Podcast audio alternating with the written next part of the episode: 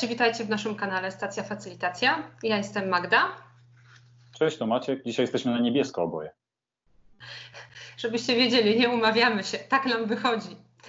E, słuchajcie, dzisiaj e, podejmujemy taki temat i odpowiadamy na pytanie, czy menadżer może być facylitatorem dla swojego zespołu? No i jako, że ja jestem menadżerem, to wiem, że menadżer wszystko może, Chodzi tylko o to, żeby to, co robi, miało sens. I starając się odpowiedzieć na to pytanie, czy menadżer może być facylitatorem dla swojego zespołu w sposób sensowny, powiem tak. I może, i nie może.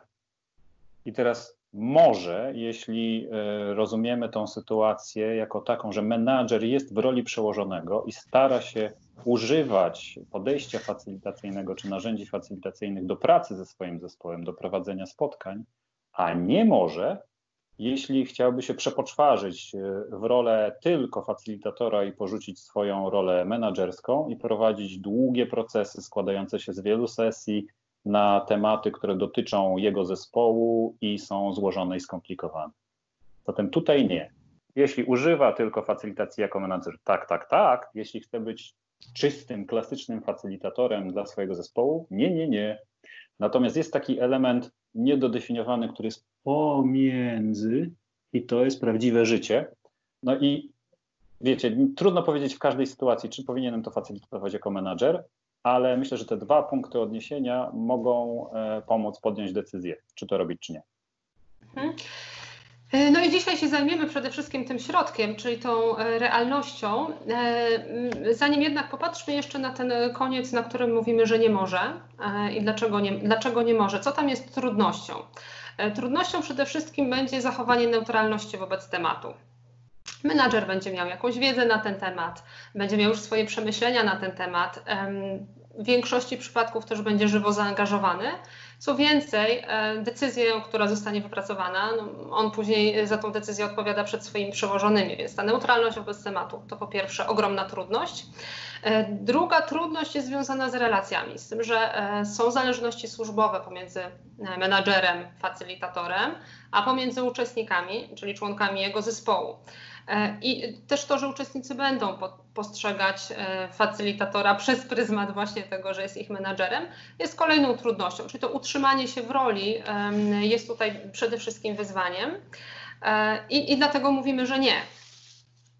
Ja miałem taką sytuację, gdzie podeszła do mnie jedna z uczestniczek spotkania, które wydawało mi się, że facylitowałem i powiedziała, no fajne, fajne to spotkanie ale chyba było tak, że miałeś już gotowy ten pomysł i przez dwie godziny udawałeś, że go nie masz gotowego, żebyśmy pomyśleli, że to jest nasz pomysł i żebyśmy się na niego zgodzili.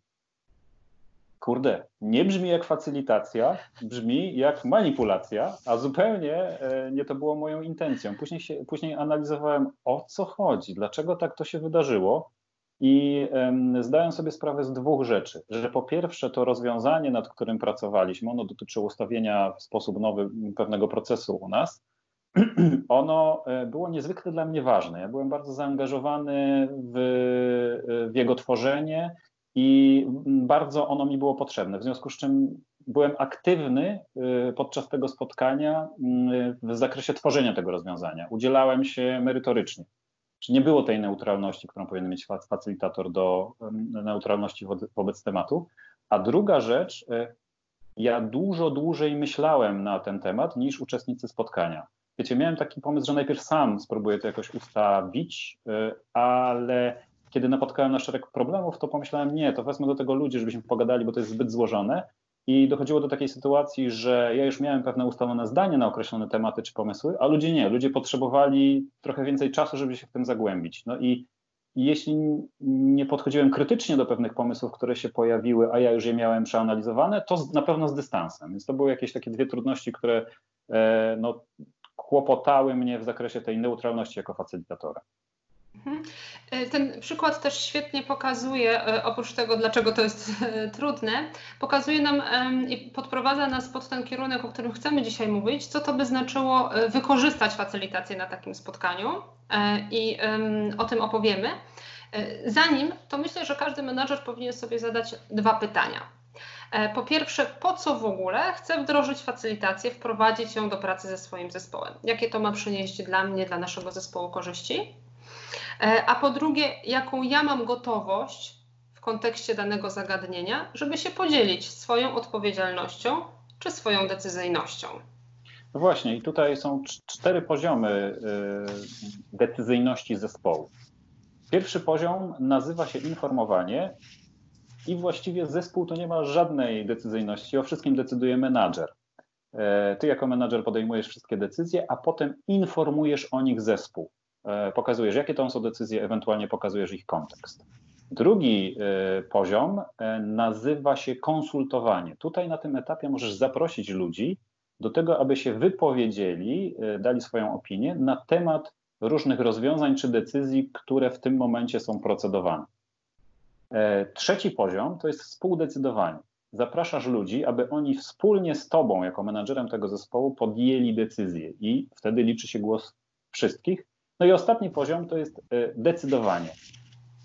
Delegujesz decyzję w określonej sprawie na zespół, w ogóle nie uczestniczysz e, w podejmowaniu tej decyzji, ale co ważne, potem ją akceptujesz i honorujesz.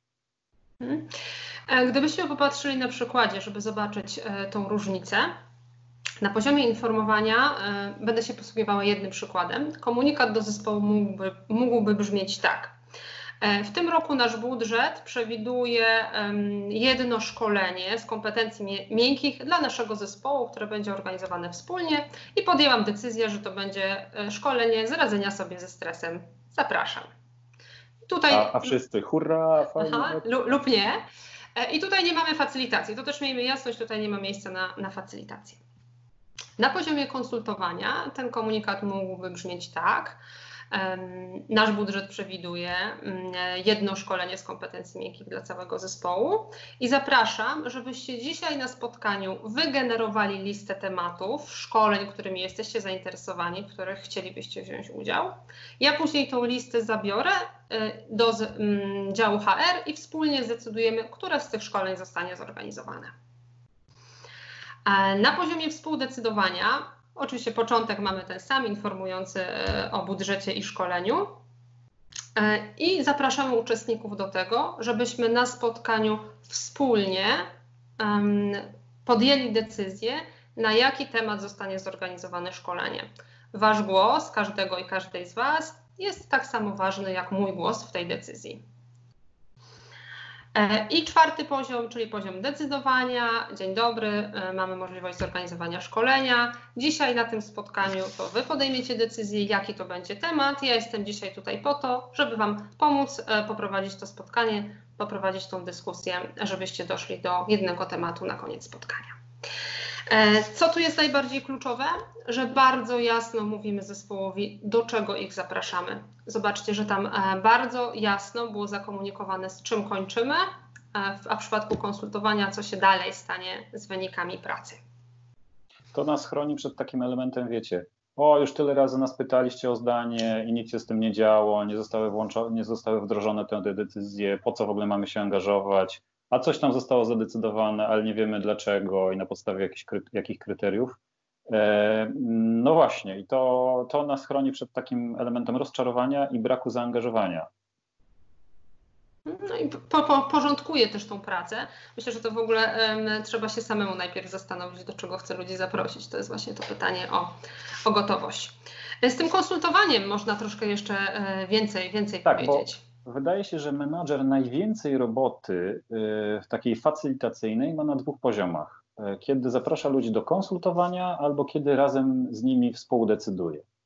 Y, I jeśli chodzi o konsultowanie, to jest wiele, wiele opcji, powiem o trzech.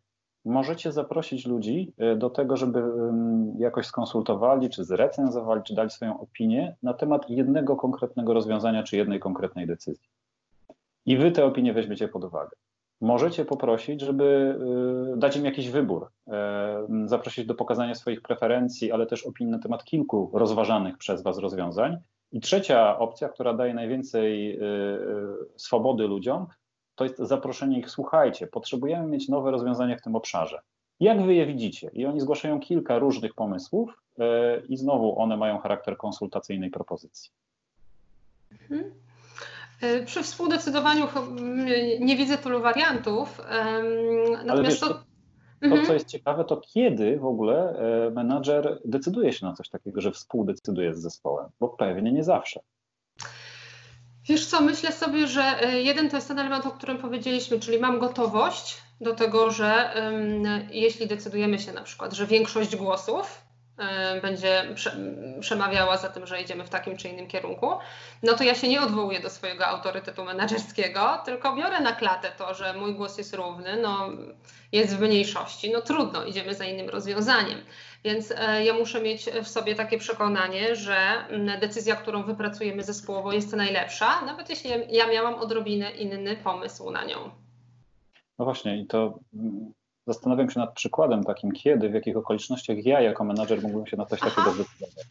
E, to mnie się przypomina przykład, jeśli widzieliście nasz poprzedni odcinek, który, w którym byłyśmy z Anetą, mm, dawałyśmy tam taki przykład e, bardzo na e, miarę dzisiejszych czasów. Czy wracamy do biura, czy kontynuujemy pracę zdalną? Jeśli zespół może sobie zadecydować w obecnych warunkach, jak będzie pracował, to rzeczywiście mogłoby być tak, że wypracowujemy to wspólnie i jako zespół podejmujemy tę decyzję, że nie jest to e, decyzja tylko i wyłącznie menadżera. Ja na tym poziomie wyobrażam sobie, że jako menadżer takiego zespołu mogłabym zaprosić zespół do współdecydowania. Mhm, mhm. Tak, no zobaczcie, że też to pokazuje kontekst pewnych obszarów, które nadają się do absolutnie współdecydowania, a mm, też wyobrażam sobie takie zakresy odpowiedzialności menedżera, które on chciałby zachować tylko dla siebie i to jest ok. E, to nie jest tak, że jak chcemy wdrażać facylitację, to od razu musimy się dzielić w 100% decyzyjnością z zespołem, tylko ważne jest to, żeby się podzielić w tych obszarach, na które jesteśmy gotowi i też to zależy od sytuacji, to zależy od jakby tego, czego dotyczy, czego dotyczy decyzja, którą, e, którą mamy podjąć. I myślę, że też od e, stylu takiego naszego zarządzania, które mamy na co dzień. Jeśli zespół jest przyzwyczajony do tego, że menadżer podejmuje decyzję, nagle zaproponujemy, zespołowi decydowanie, to mogą mieć kłopot. Trzeba by było też jakoś krokami powoli wprowadzać e, ten partycypacyjny styl zarządzania, jeśli wcześniej go nie było. Pierwszym krokiem jest to informowanie, wiecie, można informować i informować. E, robimy tak i tak, a wszyscy, o super, ludzki pan, e, ale można też, robimy tak i tak, co wy o tym myślicie? I to nie jest tak, że my, już to jest trochę zaproszenie do konsultacji, ale to ma charakter informacyjny na zasadzie, albo czy macie jakieś pytania, wiecie, jakby w tym aspekcie informowania dać trochę więcej przestrzeni ludziom na wypowiedzenie się i to już jest pierwszy krok do, e, do włączania facylitacji w pracę zespołową szerzej. Mhm.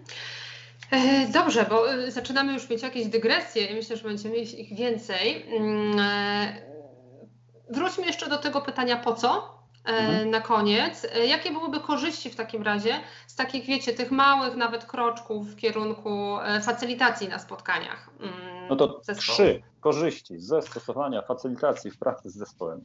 Pierwsza, to naprawdę realnie wpływa na motywację ludzi i ich zaangażowanie w pracę. Dlaczego? Bo pytasz ich jako menadżer o opinię, oni czują się docenieni i ważni, bo e, łatwiej będzie angażować się w rzeczy, e, których są współtwórcami, które e, również oni wymyślili. Druga korzyść, rzeczywiście, jeśli mamy do czynienia z jakimiś trudnymi rzeczami, złożonymi, warto skorzystać z potencjału intelektualnego, z kompetencji ludzi, których masz w zespole, bo wtedy rozwiązanie, które wypracujecie, będzie lepsze. I trzeci, dzięki facylitacji rozwijasz swój zespół. Chodzi o taki element dawania ludziom większej odpowiedzialności, dawania możliwości do wypowiadania swojego zdania, dawania możliwości do podejmowania inicjatywy. Czyli czynimy zespół bardziej samodzielnym, a mniej zależnym od menadżera. Och, jak mnie to trzecie w ogóle bardzo, bardzo przekonuje, e, jak myślę sobie być uczestnikiem e, facylitacji. E, o czym warto pamiętać? Po pierwsze, sprawdź swoją motywację i gotowość w ogóle do włączenia ludzi w podjęcie jakiejś decyzji czy wypracowanie rozwiązania. Po drugie, powiedz, do czego zapraszasz czy do konsultowania, czy do współdecydowania, czy do decydowania. Jeśli jest to etap konsultowania, coś będzie się dalej działo z wynikami pracy, to jasno powiedz co i wróć z informacją. To też jest ważne, żeby wrócić z tą ostateczną decyzją. I, i po trzecie, pamiętaj, że masz wachlarz możliwości i możesz wybierać, e, na który poziom decyzyjności dzisiaj się decydujesz w związku z konkretnym zagadnieniem. Słuchajcie, zapraszamy do lajków, subów i tego wszystkiego, co tam się robi w tych internetach. E, udajemy, że wiemy, co się robi. Oczywiście, że wiemy. E, I dziękujemy Wam. Do zobaczenia. Cześć. Trzymajcie się, cześć.